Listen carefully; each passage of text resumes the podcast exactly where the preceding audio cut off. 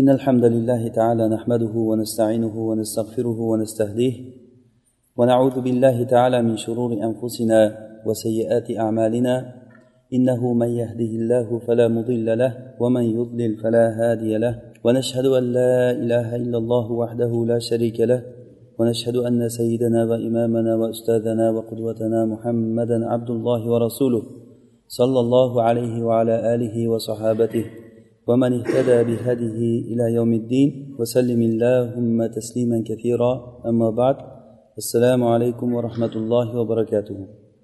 alloh subhanahu va taolodan madad so'rab biz o'tgan darsimizda mo'minlar uchun manhaj bo'lgan bir qur'ondan olinadigan bir foyda deb muhammad sallallohu alayhi vasallam muhammad surasini ba'zi bir foydalari ya'ni shu suradan tafsir qilishlikda boshlagan edi biz aytib o'tdikki alloh subhanahu va taolo xalqni ikki toifa qilib yaratdi.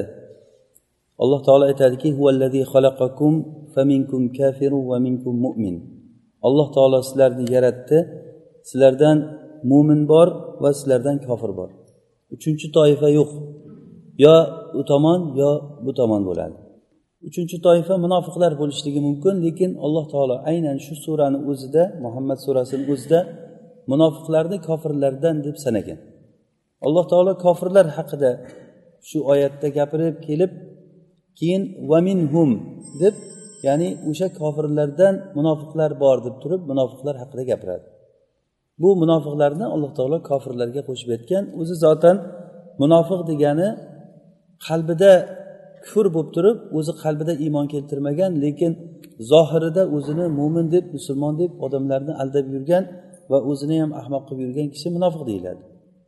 Munofiqlarga qiyomat kunida kofirlardan ko'ra qattiqroq azob bo'ladi.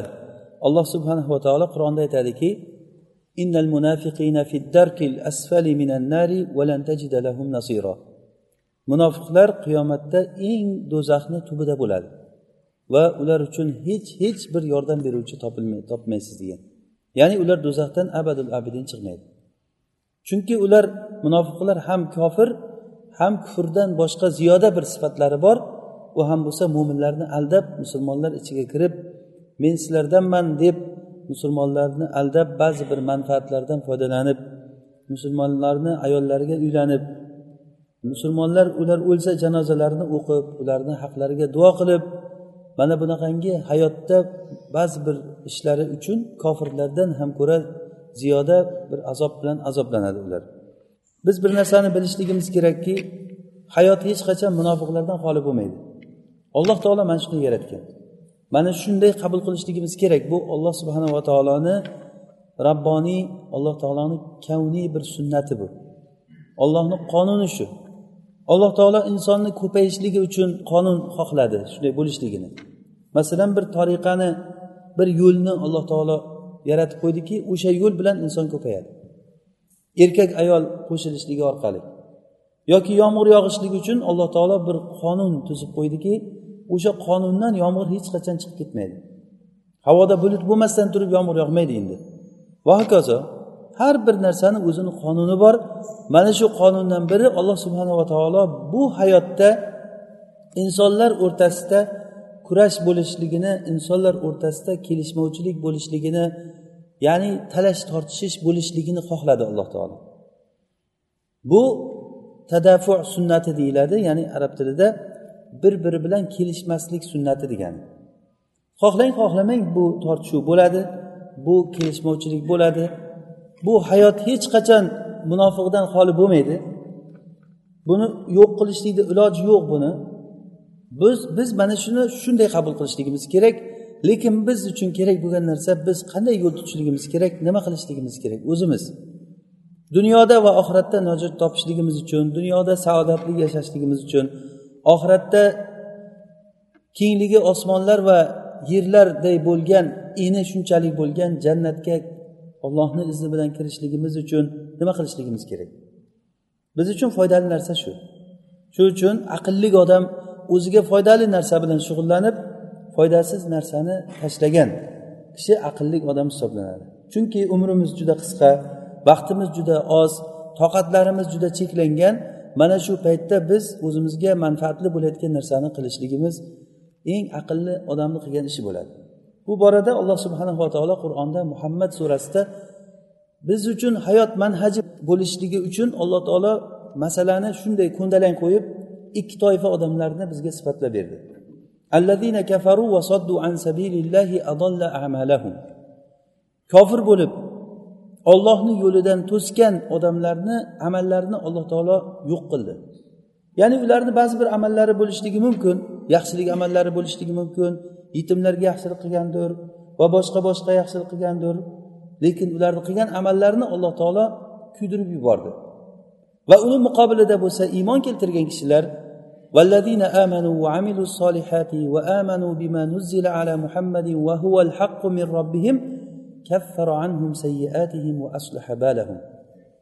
إيمان keltirgan va iymonlarini solih amallar bilan tasdiqlagan va xususan muhammad sollallohu alayhi vasallamga iymon keltirgan va u bu muhammad sallallohu alayhi vasallamga nozil qilingan narsaga iymon keltirgan rasulullohga nozil qilingan narsa vahuval haqqu min robbihim ya'ni ular iymonlarini shu haq deb iymon keltirgan.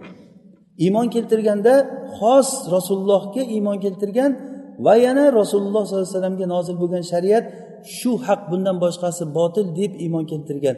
Mana shu joyi muhim bu qaydi biz uchun. Ba'zi bir odamlarni ko'rasiz mo'min sifat odamlar. Iymon keltirgan bo'lib ko'rinadi. To'g'ri hamma gap to'g'ri yaxshi gaplar. Muhammad sallallohu alayhi vasallam shariati judayam to'g'ri adolat hamma narsa yaxshi lekin bu ham yaxshi deydi. Rasulullohni shariatidan boshqa shariatni kim yaxshi deydigan bo'lsa bu iymon keltirganligi hisob emas u mo'min deyilmaydi u odam.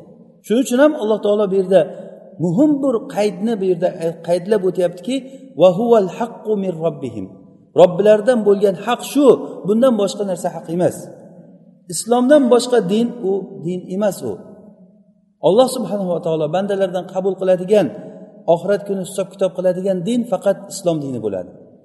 Alloh taolo koinotni haq bilan yaratdi va haq bilan insonlarni yashashligini talab qildi shuni xohladi va qiyomat kunida haq tarozilarni qo'yib hisob kitob mana shu haq bilan bo'ladi. Demak bizdan talab qilinadigan narsa ixtiyor qilishligimiz. Xohlang ollohni yo'lini ixtiyor qiling rasulullohni yo'lini ixtiyor qiling xohlang bu yoqda shaytonni yo'li ollohdan boshqani yo'lini ixtiyor qiling. Alloh taolo ikkita yo'lni bayon qildi. Boshlab kofirlarni yo'lini aytdi va uni natijasini aytdi. Kofir bo'lgan va ollohni yo'lidan to'sqinlik qilgan odamlarni amallari puchakka chiqdi hammasi.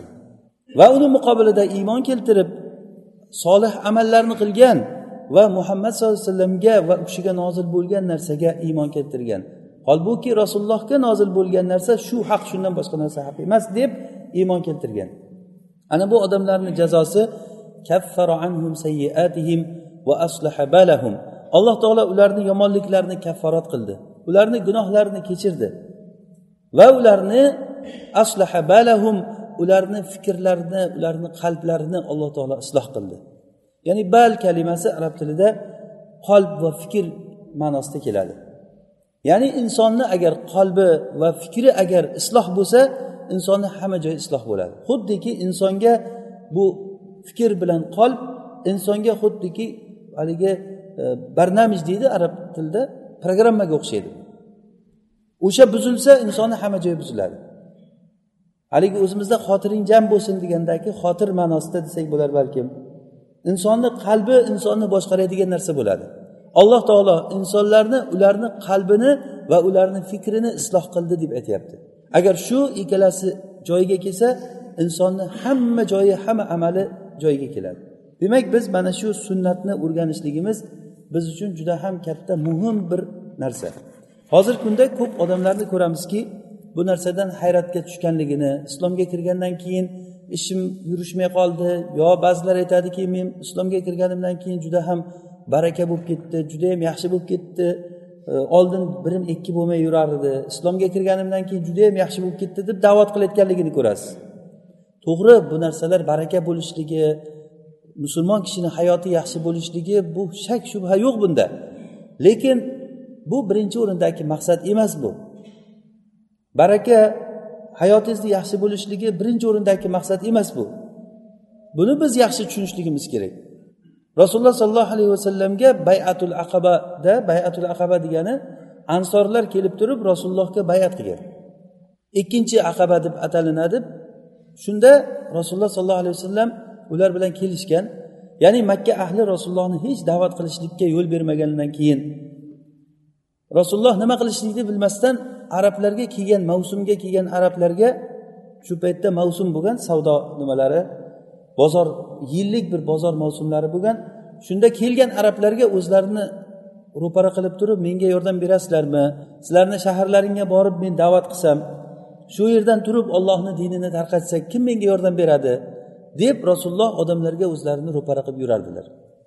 Makka ahlidan judayam qattiq zidlikni ulardan qarshilikni ko'rganlaridan keyin. Shunda ansorlar bu narsa ansorlarniga nasib qildi bu baxt.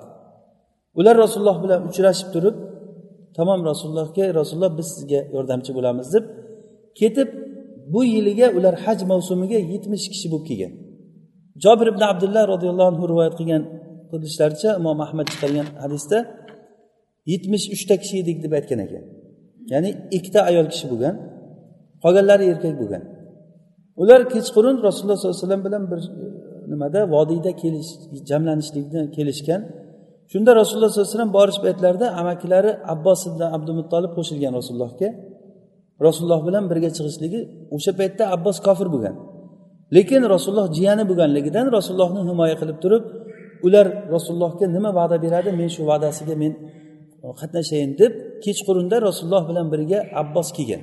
Muhim biz u tarixni to'lig'icha aytish emas maqsadimiz hozir aytmoqchi bo'lgan joyimizki shu yerda suhbatlashib aytganda birinchi so'zga chiqib abbos aytgan. Meni jiyanim o'ylamanglar sizlarga ketishlikda sizlarga muhtojligi bor deb o'ylamanglar. Bu o'zi xohlayapti ketishlikni. Lekin agarda sizlar buni olib ketib himoya qilolsanglar himoya qiloltinglar agar himoya qilolmaydigan bo'lsanglar bu o'zimizda ham himoyada turibdi biz hech qachon buni kofir bo'lsak ham buni dushmanlariga topshirib qo'ymaymiz degan. Shunda ular ansorlar aytishdiki rasulullohni o'zi gapirsin rasulullohdan eshitaylik dedilar. Rasululloh so'z boshlab ularni da'vat qildilar qur'on o'qib berdilar islomga targ'ib qildilar va aytdilarki sizlarni yurtlaringga borib men da'vatni shu joydan tarqatib islom dinini o'sha joydan tarqatamiz. Va buni evaziga nima bo'ladi? Ey rasululloh deganda rasululloh aytdilarki evaziga jannat bo'ladi. Bo'ldi biz rozimiz degan. Biz nima qilishligimiz kerak uni jannat bo'ladigan bo'lsa deganda aytdilarki meni xuddiki farzandlaringni oilalaringni nimadan himoya qilsanglar shundan himoya qilasizlar dedilar. Buni evaziga sizlarga jannat bo'ladi deganda rozimiz degan. Shunda ansorlar turib rasulullohga bayat qilishlikni boshlagan paytda asad ibn zurora bu qavmni eng kichigi bo'lgan. Qavmni eng kichigi shu kishi turib aytdiki to'xtanglar ey qavm degan. Sizlar hozir o'ylanglar nimaga bayat qilayotganliklaringni. Bu bayat degani sizlarga arabu ajam hammasi dushman bo'ldi degani. Bu bayatni ma'nosi shunday bo'lyaptiki sizlarni sharafli kishilaring o'lishligi mollaringdan ajralishliklaring degani bu. Agar shunga chiday olsanglar turib berolsanglar bunga bayat qilinglar sizlarga jannat bo'ladi degan agar bunda turib berolmasanglar hozirdan aytinglar chunki bu kishi o'zini qavmini ichida himoyada mana amakisi aytib o'tiribdi. Qavmini ichida himoyada hozirdan sizlar aytsalaring sizlar hozir ma'zursizlar hech kim ayblamaydi sizlarni. Shunda eng qavmni kichigini aytgan gapi mana shu joyda aytmoqchiman. Men bu odam islomga kirish paytidan o'zi tushunib ongli ravishda rasulullohga bayat qilish paytida ongli ravishda bayat qilyaptiki nima qilyapti bu odam? Islomga kirish degani bu nima degani bu? Arabu ajam kattayu kichik qizilu qora hamma al ahmar val asvad hammasi sizlarga qarshi urush qilish degani sizlar mollaringdan va ajralishlik degani va sharafli kishilaringni o'lishligi degani. Agar shunga turib berolsanglar bu odamga bayat qilinglar sizlar uchun jannat bo'ladi degan. Agar turib berolmasanglar hozirdan uzrlaringni aytinglar degan. Shunda qavm hammasi bir ovozdan turib aytishdiki sen nima deyapsan degan. Biz madinadan chiqib kelgan paytimizda buni muhammadu rasululloh deb chiqib keldik degan. Vallohi biz bu bay'atni buzmaymiz va rasulullohdan hech qachon buzishlikni so'ramaymiz degan. Shunda qavmni ichidan bir kishi turib ey rasululloh hozir siz biz bilan agar ketadigan bo'lsangiz ertaga siz bizni ichimizga borganingizdan keyin biz bilan bir qavmlarni o'rtasida aloqalarimiz bor biz bu aloqalarni uzamiz degan. Keyin alloh taolo sizni ishingizni zohir qilib ishingiz yaxshi bo'lib ketsa makkaga qaytib kelasizmi yo'qmi degan. Bizni tashlab ketasizmi deganda rasululloh sollallohu alayhi vasallam aytdilarki yo'q dedilar. Ya'ni addamul dam val hadmul hadm dedilar. Ya'ni bu o'zimiz tilda aytganda qonga qon jonga jon degani men sizlardanman sizlar mendan sizlar degan. Ansorlar hammasi bir ovozdan tamom va'dani berdik degan o'sha joyda rasululloh sollallohu alayhi vasallam har ansorlarni har biridan va'da olib bayat qildilar. Mana shu baxt ansorlarni haligi peshonasiga nasib qildi. Ular shu va'da bilan rasululloh sollallohu alayhi vasallamni madinaga olib ketdilar va xuddi aytganlaridek bo'ldi. Do'stlar dushmanga aylandi. Bu yerda biz bir narsani tushunishligimiz kerak. Nima uchun kofirlar musulmonlarga qarshi urush qiladi? Nima uchun kofirlar bizni yomon ko'radi? Urushamiz. Buni sababi shu. Olloh subhanava taoloni qonuni bu. Biz mana shu qonunni mana shunday qabul qilishligimiz kerak. Rasululloh sollallohu alayhi vasallam da'vat qilib chiqishliklaridan oldin zayd ibn amr ibn nufayl degan kishi said ibn zaydni otasi. Said ibn zayd mubashshar bil janna bo'lganlarni biri. Jannatdan bashorat berilgan o'nta sahobani bittasi said ibn zayd bo'ladi. Bu kishini otalari zayd ibn amr ibn nufayl bu kishi haqiqiy ibrohim millatida qolgan kishi bo'ladi. Haqiqiy ibrohim millatida qolgan kishi. Hatto kabani oldiga kelib turib kabaga suyangan holatda odamlar shirk butlarga shirk keltirib shirk ishlarini qilayotganliklarini ko'rib turib rasululloh u kishi aytardilarki ey qavm sizlarni bu qilayotgan ishlaring ibrohim millatiga to'g'ri kelmaydi buni bilasizlar sizlar deydi. Shu odamlar zayd ibn amirni hech kim so'kmagan urmagan bu odamni shu gapiga.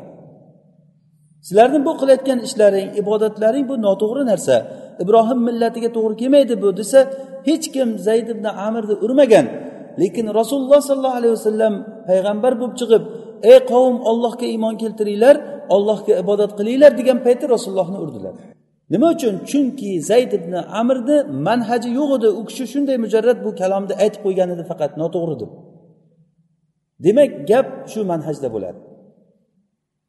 Bu manhaj ollohni sunnati ollohni yo'li bu hizbulloh deyiladi ollohni jamoasi va ikkinchisi shaytonni yo'li ollohni yo'lidan boshqa yo'l.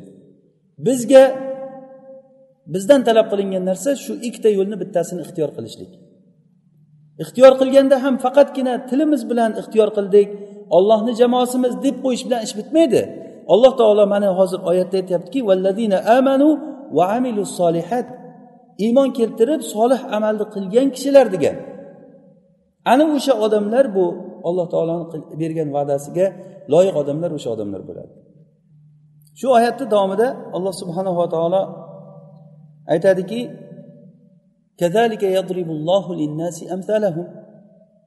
ya'ni alloh subhanava taolo odamlarga misollarni mana shunday bizga zarbul masal qilib tushuntirib beradi. O'zi misol deganda oldinda bir misol o'tib bir alloh taolo ba'zan zarbul masal qiladi iymon bilan hidoyatni yomg'irlarga misol o'xshatadi. Xuddiki bir hidoyat osmondan tushgan yomg'irga o'xshaydi. Yomg'ir xuddi o'simliklarni ko'kartirishlikka sabab bo'lgani kabi hidoyat qalblarga joylashgan paytda qalbdagi bo'lgan yaxshiliklarni ishga solib turib odamdan solih amallarni ko'kartiradi. Mana bu zarbil masal degani. Hozir bu biz o'qiydigan muhammad surasida insonlarga alloh taolo misollarni aytib beryapti deganda undan oldin masal o'tgan emas. Demak bu yerdagi hozir misol oqibat ma'nosida. Ya'ni alloh taolo kofirlarni bir misolini aytdi xuddiki biz haligi buni tushunsak qoliplarga o'xshaydi. Kofirlarni teorema deydiku. O'sha kofirlarni teoremasini aytdi va musulmonlarni teoremasini aytdi. Kofirlar mana bunday bo'ladi musulmonlar mana bunday bo'ladi. Sizlar o'zlaring endi ixtiyor qilib olaveringlar natijani ham bayon qilib qo'ydi alloh taolo. agar mo'min bo'layotgan bo'lsa alloh taolo ularni gunohlarini kaforat qiladi va ularni xotirini jam qiladi ularni fikrini va ularni qalblarini alloh taolo o'zi isloh qilib qo'yadi. Va oyat davomida alloh taolo aytyaptiki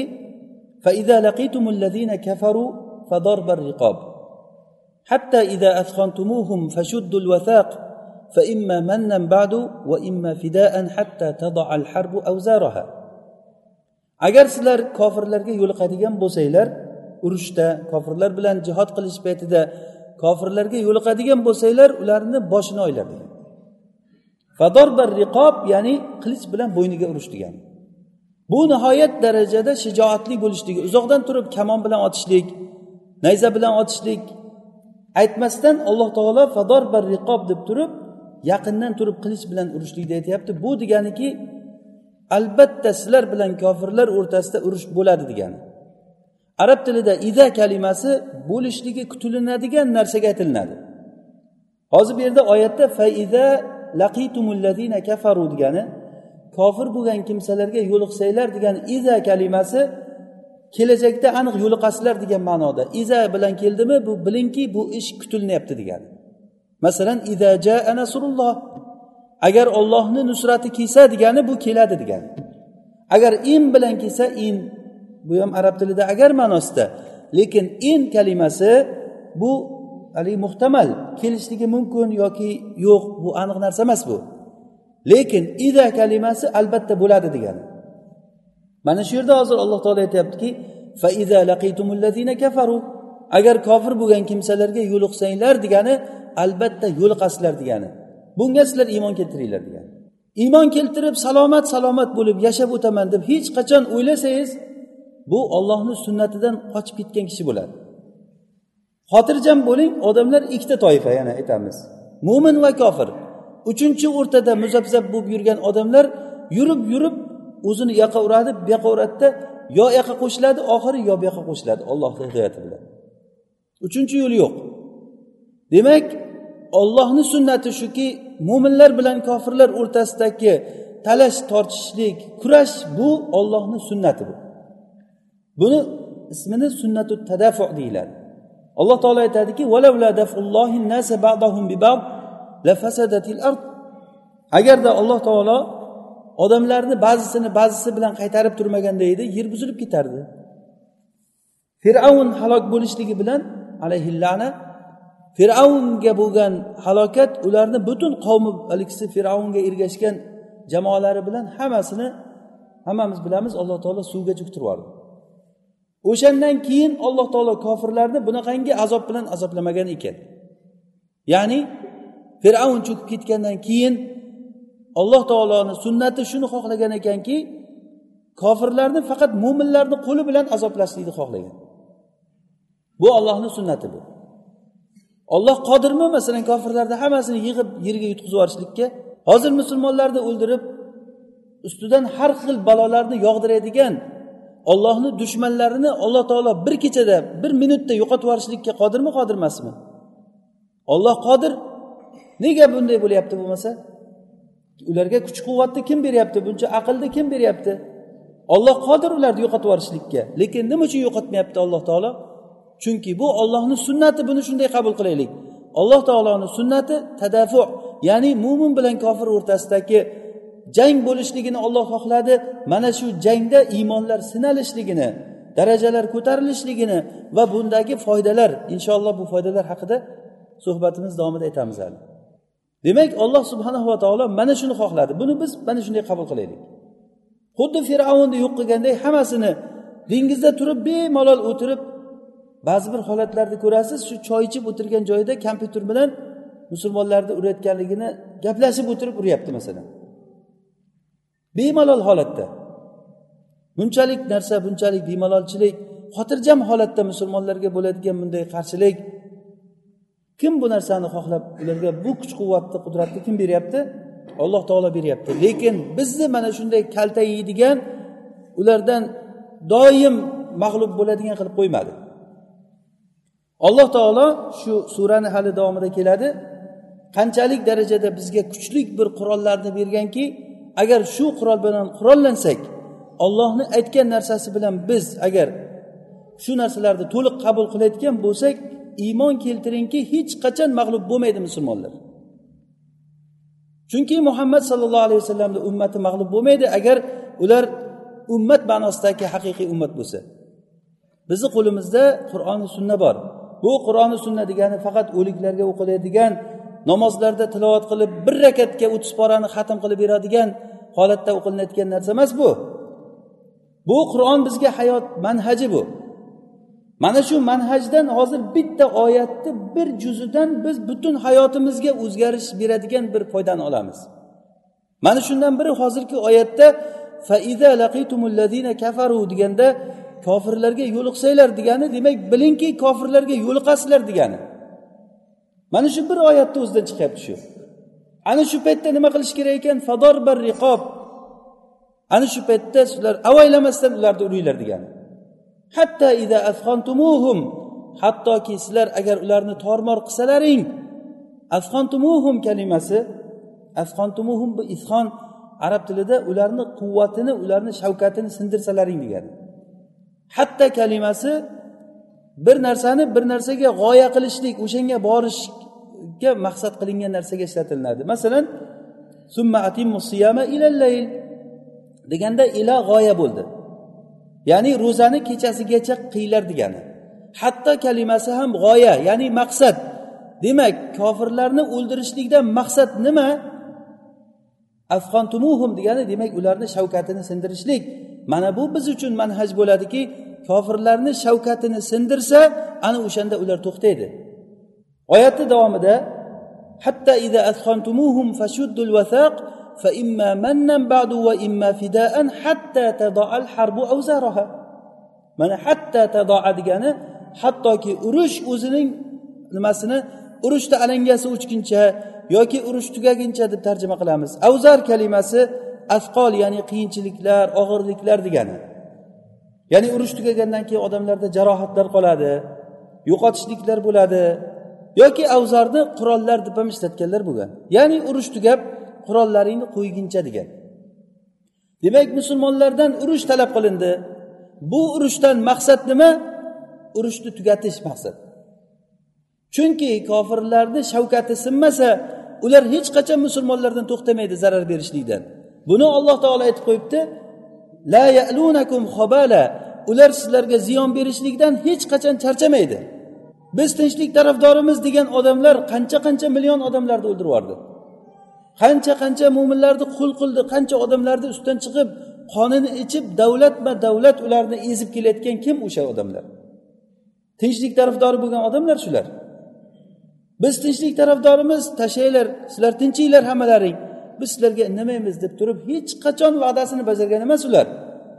Ana shunga ishongan odamlar nodon odamlar ular. Alloh taolo buni aslini kitobda bizga qur'onda aytib qo'yibdi.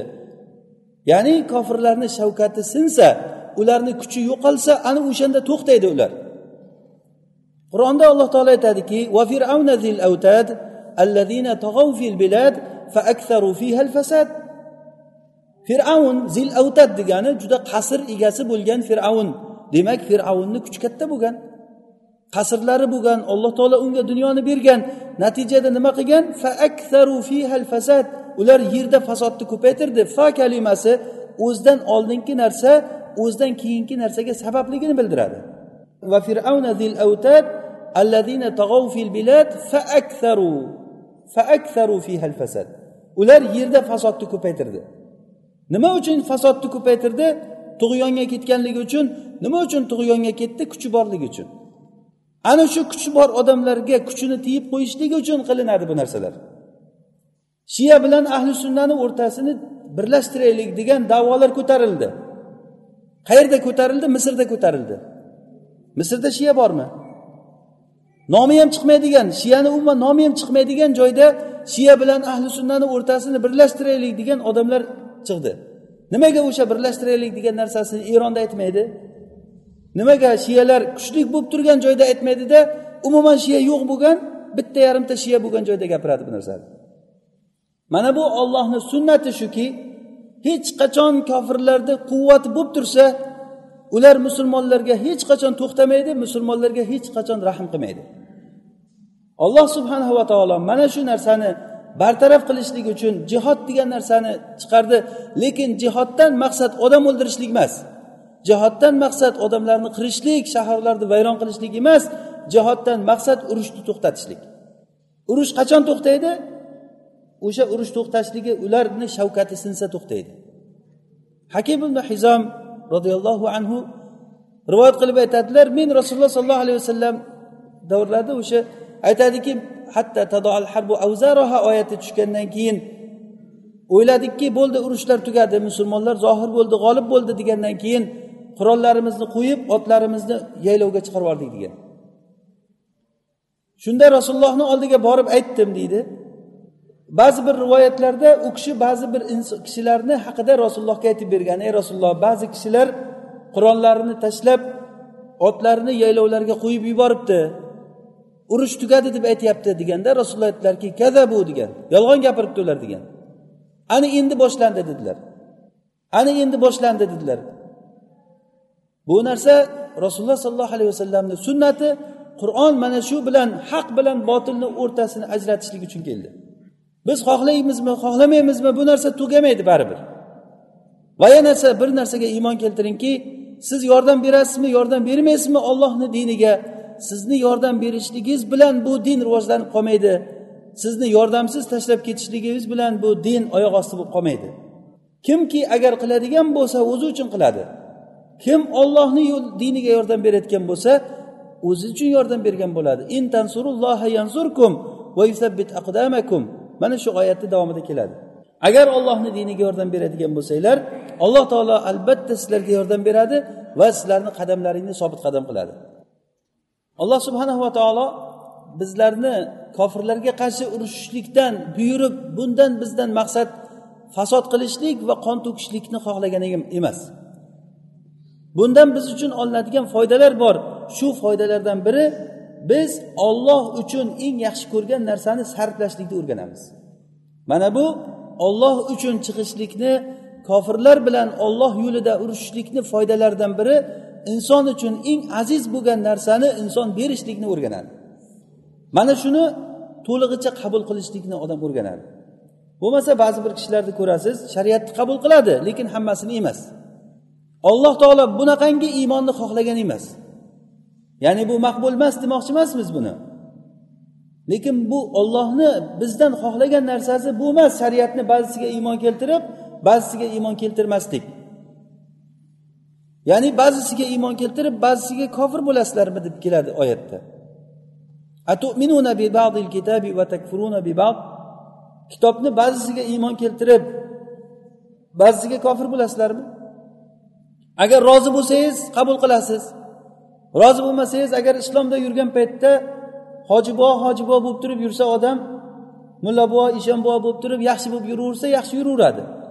Qiyinchilik kelib qolgan paytda o'zini ziyoniga bir narsa kelib qolsa o'sha joyda turib bermaydi inson. Bu hammamizda bor bo'lgan narsa bu nuqson bu. Buni davolaydigan narsa eng katta narsa bilan alloh taolo davoladi. Kofirlar bilan urushishlikka chiqqan odam o'zini ruhini olloh uchun olib chiqadi. Eng yaxshi ko'rgan narsasini ollohga beraman deb chiqqan odam u puliga qizg'onadimi u? Ozroq vaqtiga qizg'onadimi? O'zi asl olloh subhanava taologa ibodat qilishlik uchun yaratilindik hayotda. Ibodat qilishlik faqat namoz o'qishlik ro'za tutishlik bilan emas. Ibodat bizni butun hayotimiz mamotimiz turishimiz yurishimiz hammasi ibodat. Olloh shuni xohladi bizdan. Bizga shariat tuzib berib qo'ydi. Mana shunda yur buni qil buni qil deb turib. Odamlar mana shu ollohni shariatini judayam yengil narsa deb atadi. Shuni xuddiki bir shariat bir kerakmas narsadek yoki ba'zan shariatni adolat qilmaydiganga chiqarib qo'yadi. Ochiq gaplar bilan gapiradi. Nur surasida oysha roziyallohu anhoga tuhmat qilgan odamlar to'g'risida alloh subhanava taolo aytadiki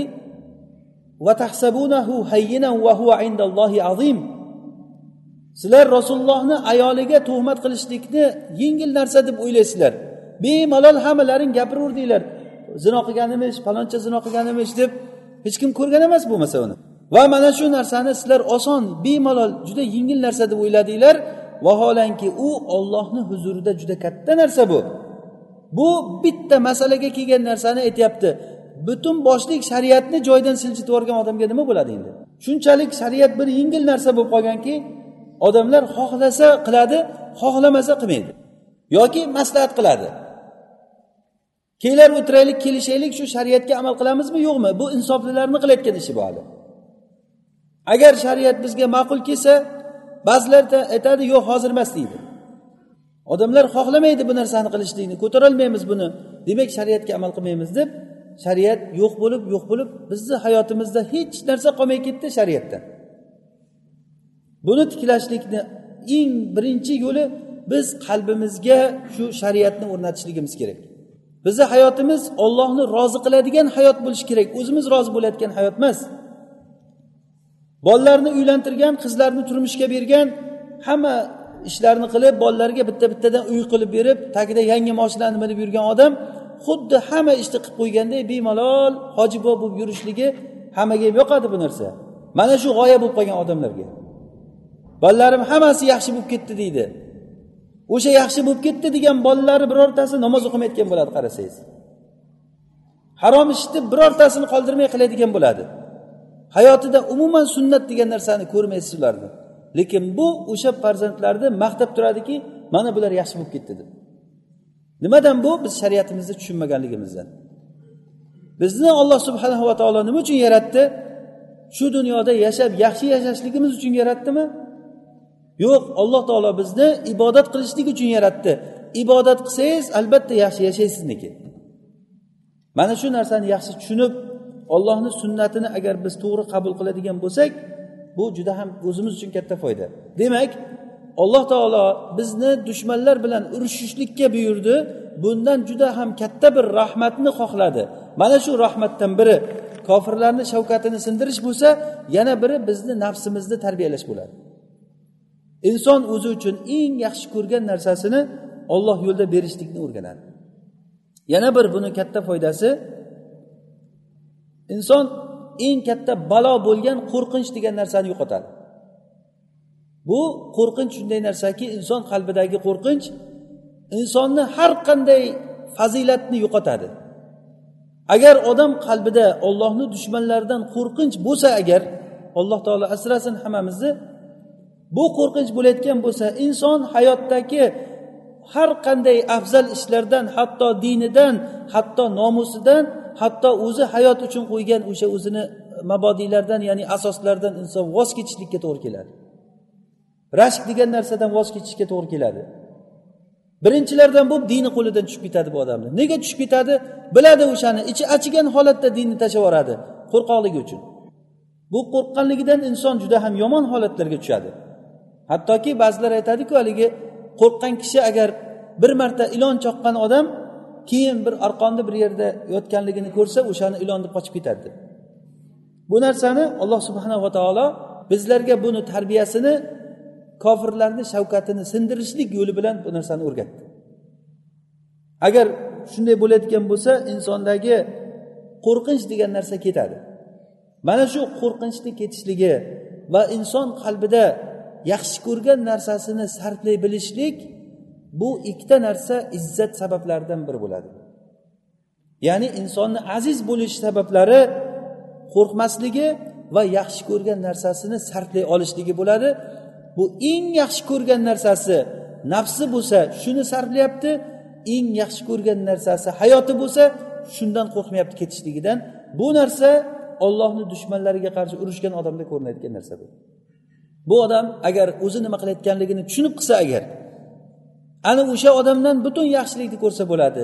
Ammo agar o'zi nima qilayotganligini inson tushunmasa biz uchun eng muhim narsa shuki harakatni boshlashlikdan oldin nima uchun harakat qilayotganligini inson bilishlik kerak. Muhim insonni ishi to'g'ri bo'lishligi emas. Muhim o'zi asli to'g'ri bo'lishi kerak. Lekin inson ishi mana shu to'g'ri bo'lishligini qasd qilib qilishlik kerak. Bu uchun ilm o'rganishligimiz kerak.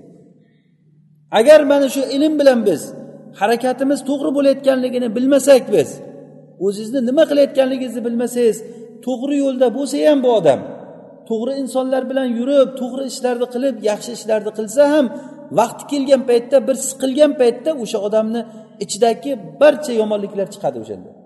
Masalan qo'rqinch. Ana shu payt insonni siqilish payti ollohni dushmanlariga yo'liqqan paytda inson ichidagi ba'zi bir gumonlar chiqishligi mumkin. Bu gumon ba'zan ollohni zotiga ollohni ishlariga bo'lgan gumon bo'lishligi mumkin. Johiliyat gumonlaridan bo'lgan bir gumonni qilishligi mumkin. Bu gumon insonni johilligi sababidan bo'ladi. Shuning uchun ham biz nima qilyapmiz? O'zi kimmiz? Musulmon kishi ibodat qilishligini alloh taolo buyurdi. Demak biz har bir qilayotgan ishni harakatini o'tirishligingiz turishligiz yashashingiz hayotingiz ollohni rozichiligi uchun ollohni xohishi uchun bo'lsa mana shu narsa xohlangan narsa bo'ladi.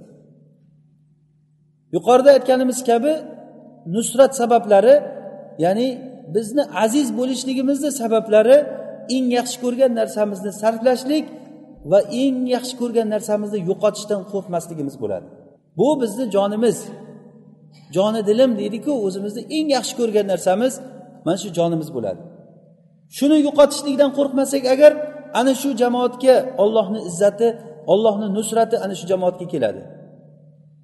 Bu jamoatda bosh bo'lgan odam bergan narsani yeb ketaversa qochib ketsa qo'rqoqlik bo'lsa va dunyoni yaxshi ko'rsa sarflay bilmasa bunaqangi jamoatga hech bir narsa kelmaydi. Ollohni nusrati keladigan jamoat o'zlarini eng yaxshi ko'rgan va narsalarini olloh yo'lida sarflay oladigan narsa odamlar bo'ladi. Masalan vaqt. Shu vaqtni olloh uchun sarflashlikka ko'pchilik odamlar qizg'onadi shuni. Olloh uchun vaqt sarflash olloh uchun sal bo'lsa ham qo'lingizdan kelayotgan bir harakatni sarflash shuni qilmasdan o'sha harakatni qilmasangiz boshqa narsaga sarflaysiz baribir. Shunchalik ko'p vaqtlar o'tib ketadiki lekin dinimizda bir narsani o'rganishlik olloh uchun shu narsaga vaqt sarflanilmaydi bu narsa juda ham muhim narsa. Shuning uchun bizga birinchilardan bu kerak bo'lgan narsa alloh subhanava taoloni sunnatini ya'ni bu qonunni biz yaxshi tushunib olishligimiz kerak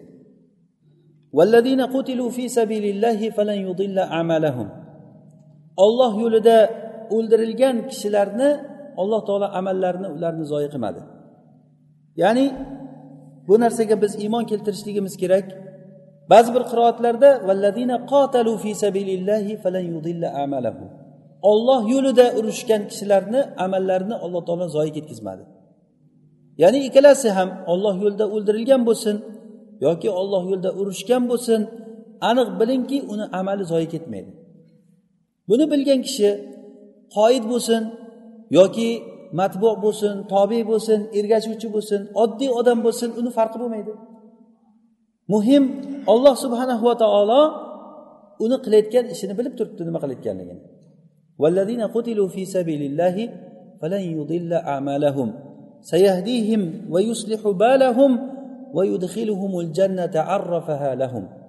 Ularni alloh taolo hidoyatlaydi ular farzandini qanday tarbiya qilishligini alloh taolo ularga tavfiq beradi. Qanday manhajda yurishligiga alloh taolo ularga tavfiq beradi.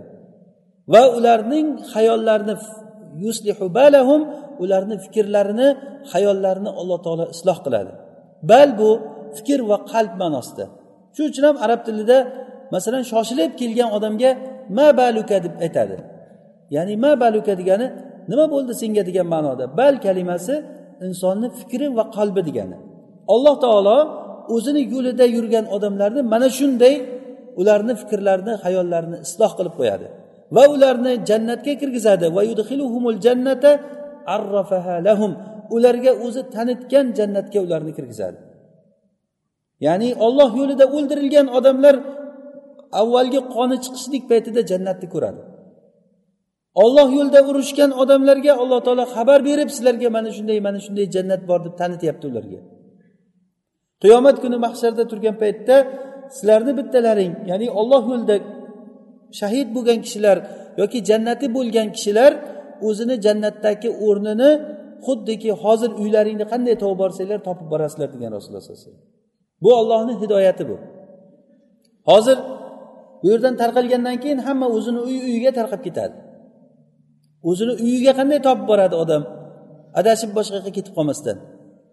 Xuddi shunday jannatdagi uylaringni mana shunday topib olasizlar degan. Bu ollohni hidoyati. Va jannata ularga tanitgan jannatni alloh taolo jannatga ularni kirgizadi. Ya ayyuhallazina amanu in tansurulloha yansurkum va yuthabbit aqdamakum. Ey iymon keltirgan bandalar agarda sizlar ollohga yordam berayotgan bo'lsanglar olloh sizlarga yordam beradi va sizlarni qadamlaringni sobit qadam qiladi. Ollohga qanday qilib yordam beramiz biz? Alloh taolo bizni qiladigan yordamimizga muhtojmi? Birinchi biz iymon keltirib olaylikki alloh taolo bizni qilayotgan ishimizga muhtoj emas. Kimki qiladigan bo'lsa o'zini foydasiga qiladi. Yansurkum agar sizlar ollohga yordam berayotgan bo'lsanglar ollohni diniga yordam berayotgan bo'lsanglar alloh taolo sizlarga yordam beradi va qadamlaringni sobit qadam qiladi. Demak birinchi o'rinda biz bilaylikki alloh subhanahu va taolo bizni yordamimizdan behojat ekanligiga iymon keltiramiz. Agar siz yordam bersangiz ham yordam bermasangiz ham ollohni dini bo'ladi bunda kim qilsa o'zi uchun qiladi.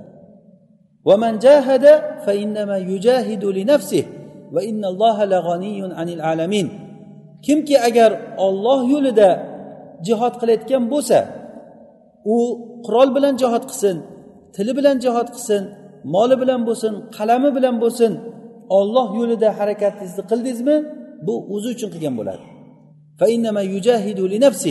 Alloh taolo butun olamlardan behojat zot. Ikkinchi sabablarni ushlashlik bilan bo'ladi. Birinchi iymon keltiramizki birinchidan iymon keltiramiz. Alloh subhanahu va taolo bizni bu qilgan ishimizga muhtoj emas. Ikkinchidan alloh subhanahu va taolo bizga buyurgan narsa sabablarni ushlashlikka buyurgan. Sabablarni olishlik rasululloh sollallohu alayhi vasallam sabablarni yuz foiz sabablarni oldilar. Urush sabablarini oldilar. Hattoki shamol bo'lib turish paytlarini ko'zlab turardilar rasululloh sollallohu alayhi vasallam. Shamolni rasululloh sollallohu alayhi vasallam ollohni askarlaridan deb bilardilar. Ahzob g'azotida rasululloh sollallohu alayhi vasallamga nusrat shamol bilan berilindi. Valillahi junudus samavati val ard. Va kanallohu aliman hakima.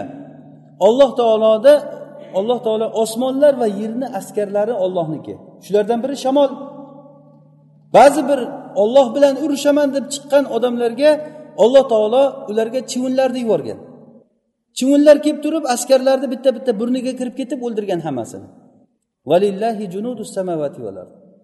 osmonlar va yerni askarlari ollohniki ba'zi bir qavmlarni ustiga alloh taolo masalan abrahani qavmiga kabani buzaman deb kelgan paytda qushlarni yubordi. Fa arsala alayhim toyron ababil tarmihim bi hijaratin min sijjil fajalahum ma'kul. Ularni ustilariga sopoldan bo'lgan toshlarni tashladi. Ularni xuddiki qurt yegan bargdek qilib tashladi. Ollohni askarlari butun yer osmondagi askarlar ollohniki kerak bo'lsa chigirtkalarni yuboradi hech qayoqqa borolmay qolasiz. Alloh taolo bitlarni yubordi fir'avnni qavmiga. Hattoki shu bitdan qutulmaganligidan muso alayhissalomdan kelib iltimos qilib so'radiki ollohga duo qilgin buni yo'q qilgin deb. Mag'lub bo'ldi bitlarni oldida mag'lub bo'ldi. Nimasiga katta ketadi bu odamki bitlarni oldida mag'lub bo'lgan bo'lsa? Bu insonni aqlsizligidan bu. Chigirtkalarni yuborgan paytda chigirtkadan mag'lub bo'ldi. Kelib uzr so'radi ey muso biz iymon keltiramiz deb yana o'shanda ham nomardlik qilib turib muso alayhissalomni aldadi bular. Lekin kimni aldadi? Oxiri nima bo'ldi? Hammasini yig'ib olib borib turib suvga cho'ktirdi alloh taolo. Valillahi junudu samavati val ard. Osmonlar va yerni hammasini askari ollohniki insonga alloh taolo jonini olaman desa sabab bilan ham besabab ham jonni olaveradi. Sabab bilan ham besabab ham o'tirgan joyida insonni ruhi chiqib ketishligi mumkin. Biz shunga iymon keltiramizmi yo'qmi? Yo o'ladigan odam albatta sabab bilan o'lishi kerakmi? O'lim degani bu sizni umringizni tugashligi degani. Sabab bo'lsin bo'lmasin. Olloh yo'lida jihodga chiqishlik kofirlar bilan urushishlik degani o'ldi degani emas bu. Yoki bu yoqda qoldi degani qoldi bo'ldi ko'p yashaydi bu odam degani emas bu. To'g'ri bu urushishlik o'lim sabablaridan bir sabab lekin o'limni sabablari juda yam ko'p. Hech o'tirgan joyda o'zini ehtiyot qilib yurgan odam bir kasalga mubtalo bo'lib o'sha kasal bilan o'lib ketmayaptimi qancha odamlar? Yashasin mayli odam lekin qancha vaqt yashaydi? Necha yil yashaydi? Ehtiyot bo'lib yurib necha yil yashaysiz? Bu hech qachon bir narsani bilaylikki o'zini halokatga urishlik yoki bir sabablarni ushlamaslikka chaqirish emas bu. Yo dushman bilan yo'liqishlikka chaqirish emas bu. Rasululloh sollallohu alayhi vasallam aytdilarki la liqa al adu. Dushmanlarga yo'liqishlikni orzu qilmanglar dedilar. Agar yo'liqsalaring sabr qilinglar dedilar. Mana shu gapni aytgan paytda rasululloh sallallohu alayhi vasallam jihod maydonida turib aytganlar. Dushmanga yo'liqishlikni orzu qilmanglar. Biz dushmanga yo'liqishlikni orzu qilmaymiz lekin iymon keltiraylikki yo'liqamiz. Alloh taolo aytyapti kafaru degani hozir aytganimiz agar kofir bo'lgan kimsalarga yo'liqsalaring degandan bildikki yo'liqamiz ekan. Siz bilingki hayotda munofiq va kofirdan hech qachon qutulmaysiz. Bu bo'ladi bo'ladi baribir. Lekin biz uchun manfaatli bo'lgan narsa nima qilishligimiz kerak? Shuni bilishligimiz kerak. Mana bu bizga foydali ilm bo'ladi foydali manhaj bo'ladi. Ana o'shanda biz dunyomiz ham oxiratimiz ham saodatli bo'lib yashaymiz. Oyatdagi bayon qilingan narsalar iymon keltirgan solih amallarni qilgan kishilarni alloh taolo gunohlarini kaforat qildi. Va ularni jannatlarga kirgizdi tagidan anhorlar oqadigan ularga alloh taolo tanitgan jannatlarga kirgizdi ularni. Jannatni boshqa bir qancha oyatlarda hadislarda jannatni tarifi keldi. Mana shu jannatga kirgizaman sizlarni dedi. Demak birinchi o'rinda biz iymon keltiramizki alloh subhanava taolo bizni harakatimizdan behojat zot. Ikkinchidan biz sabablarni ushlaslikka buyurilindik sababni ushlamasdan turib hozir masalan aytilingan narsa nimada?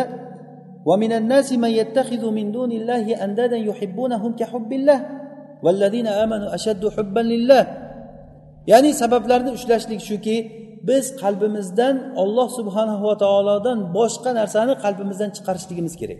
Agar qalbimizda ollohdan boshqani muhabbati bo'lsa ollohdan boshqani xavfi bo'lsa shuni hozirgi kundan boshlab shuni chiqarishlikka harakat qilishlik kerak. O'sha narsa sizni halok qilayotgan narsa shu bo'ladi. Insonni halok qilayotgan narsa shu bo'ladi. Ayni insonni zaif nuqtasi o'sha bo'ladi. Agar kimniki farzandi haqdan to'sadigan bo'lsa oilasi ayoli haqdan to'sadigan bo'lsa haq kalimasi turibdi bilib turibsiz haqligini lekin oilangizni rozi qilishlik uchun haqdan voz kechsangiz bilib turibsiz haqligini farzandingizni rozi qilishlik uchun farzandlarni yuzdan o'tolmasdan shu haqdan u tomonga o'tib ketayotgan bo'lsangiz qo'shnilarni rozi qilishlik uchun odamlarni rozi qilishlik uchun mahalla rozi bo'lsin xalq rozi bo'lsin degan odamlar mana bu odamlar o'sha qalbida ollohdan o'zga sherik bor degani buni qalbida. Bu shirik shunday narsaki agarda bu ko'paysa tamom qalbni egallab oladi insonni halokatga olib ketayotgan narsa shu bo'ladi. Lekin bu ko'plik va ozligi bilan insonlar farq qiladi. Har bir odam o'zini qalbiga buni quloq solib bizni bu darsdan maqsadimiz birovga bir hukm qilish yo palonchi kofir palonchi mo'min deb turib u yerda bir o'lchov qilish emas bu yerda. Foydali ilm o'rganishligimiz kerak. Demak birinchidan biz ollohga iymon keltiramiz. Diniga alloh taolo albatta yordam beradi. Rasululloh sollallohu alayhi vasallam aytdilarki la ilaha illalloh vahda sadaqa vada nasara abdah va g'alabal ahzab va hazamal ahzaba vahda ollohdan boshqa iloh yo'q. Alloh taolo va'dasiniga vafo qildi. Yordam beraman degdimi alloh taolo yordam berdi va o'zining bandasiga o'zi yordam berdi. Mo'minlar emas. Mo'minlar yordam bergan emas bunga. Mo'minlar yordam bergan bo'lsa o'zi uchun qildi kim qilgan bo'lsa. Agar hozir sizlar rasululloh sollallohu alayhi vasallamga yordam beraman yordam beryapman deb minnat qilayotgan bo'lsanglar alloh taolo unga g'orda turgan paytda o'zi yordam berdi. Kofirlar rasulullohni oldiga kelgan paytda rasululloh g'orni ichida turgan paytlarida g'orni eshigini oldida turibdi boshqa ketayotgan joyi yo'q. Buyog'i shunday g'orni ichida toshni orasida turgan holatda kim yordam berdi rasulullohga? Olloh yordam berdi. Mana shu olloh yordam beradi o'zini diniga. Xohlasa odamlarni hammasini mo'min qilib qo'yadi.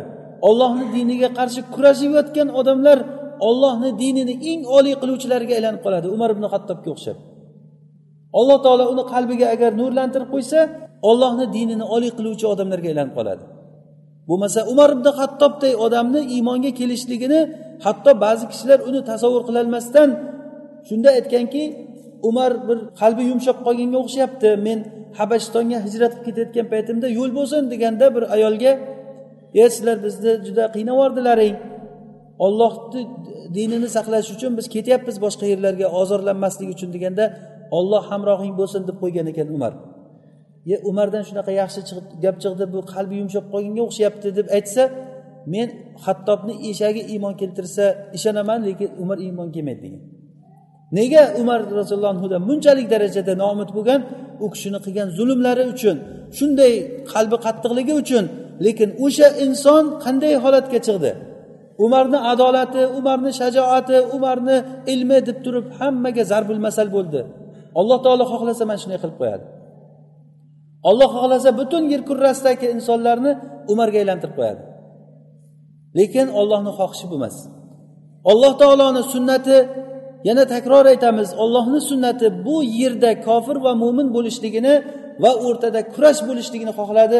Ba'zan qurol bilan kurash bo'lsa ba'zan qalam bilan ba'zan kalom bilan lekin bilingki bu kurash hech qachon to'xtamaydi. Va bunda kim agar bu kurashda agar qatnashsa qaysi tarafda turganligini bilsin. Haligi ibrohim alayhissalomni olovga tashlagan paytda chumoli og'zi bilan suv toshilganda chumoliga aytilingan ekan sen shu olovni shu og'zing bilan tashigan suv bilan o'chira olasanmi? deganda bilaman o'chirolmayman lekin meni tarafim ibrohim taraf shuni bildirishlik uchun qilyapman degan. Xuddi mana shunday chumoliday bo'lishlikka harakat qilishlik kerak. Siz olloh yo'lida bergan bir ikki so'm pulingiz bilan yoki bitta joningizni agar fido qilishligingiz bilan hech narsa qilolmaysiz lekin bu yerda kutilingan narsa shuki alloh subhanahu va taolo sizni mana shunday inson bo'lishligingizni xohladi. Xoh siz din g'olib bo'lsin xoh din mag'lub bo'lsin. U bilan ishingiz bo'lmasin. Mana shu tushuncha bilan agar harakat qilinsa inson hech qachon inson tushkunlikka tushmaydi. Musulmonlar agar kuchini yo'qotsa ha bo'ldi kuchimiz ketdi deb qolmaydi. Yoki musulmonlar kuchayib ketsa bo'ldi biz kuchaydik deb turib faxrlanmaydi odam. Maqsad nima? Maqsad alloh subhanava taoloni rozi qilishlik bo'lgandan keyin. Uchinchidan birinchisi demak biz iymon keltiramizki alloh taolo o'zini diniga o'zi yordam beradi olloh bizga muhtoj emas. Ikkinchidan sabablarni ushlashligimiz kerak. Sabablarni ushlashlik mana shu qalbimizni to'g'irlashlik bilan bo'ladi. Birinchisi qalbimizdagi shirkni qalbimizda ollohdan boshqani xohishini olib tashlashlik bilan bo'ladi. Uchinchisi bu amal amaliy kirishishlik bilan bo'ladi. Alloh taolo aytdiki ya ayyuhallazina amanu in tansurulloha yansurkum dedi. Agar ollohni diniga yordam bersalaring olloh yordam beradi dedi. Demak shart bizga nusrat kelishligini sharti ollohni diniga yordam berishligimiz kerak. Hammamiz xohlaymiz dinni nusrat bo'lishligini lekin kim diniga yordam beryapti? Xuddiki bu dinni qilishlik ba'zi bir toifalarni vazifasiga o'xshaydi. Xuddiki bu odam musulmonlar jamoasidan emasga o'xshaydi. Hattoki musulmon olamida nima bo'layotganligini umrida eshitmagan musulmonlar bor. Umuman musulmonlarni holati qiziqtirmaydi uni. Va qiziq joyi o'zi ham dinida bir narsani o'rganishlikka qiziqmaydi odam. Bunday holatda biz bo'layotgan bo'lsak agar hammamiz bu holatda bo'layotgan bo'lsak shu jamoatga nusrat keladimi? Nusrat kelishligini sababi in tansurulloha yansurkum. Agar sizlar ollohni diniga yordam bersalaring yordam beradi alloh taolo yordam berishlikni xohlasalaring degani emas bu. Muaviya roziyallohu anhuga bir kishi nasihat qilib juda qattiq gapirgan ekan. Qo'pol va'z qilgan ekan. Shunda muaviya aytgan ekanki olloh nomi bilan sendan so'rayman. Seni ba'zi bir yomon ishlaring bormi? O'zingni qilgan ishlaring. Agar shu ishlarni olloh kechirmasa seni halok qilib yuboradigan ishlar bormi senda? Deganda bor degan ekan. Ollohni o'rtaga qo'yib so'rayman senda ba'zi bir yaxshi ishlaring bormi? O'sha ishlarni sen umid qilasan ollohni huzurida najot topishliging uchun deganda bor o'sha ishlarim degan ekan.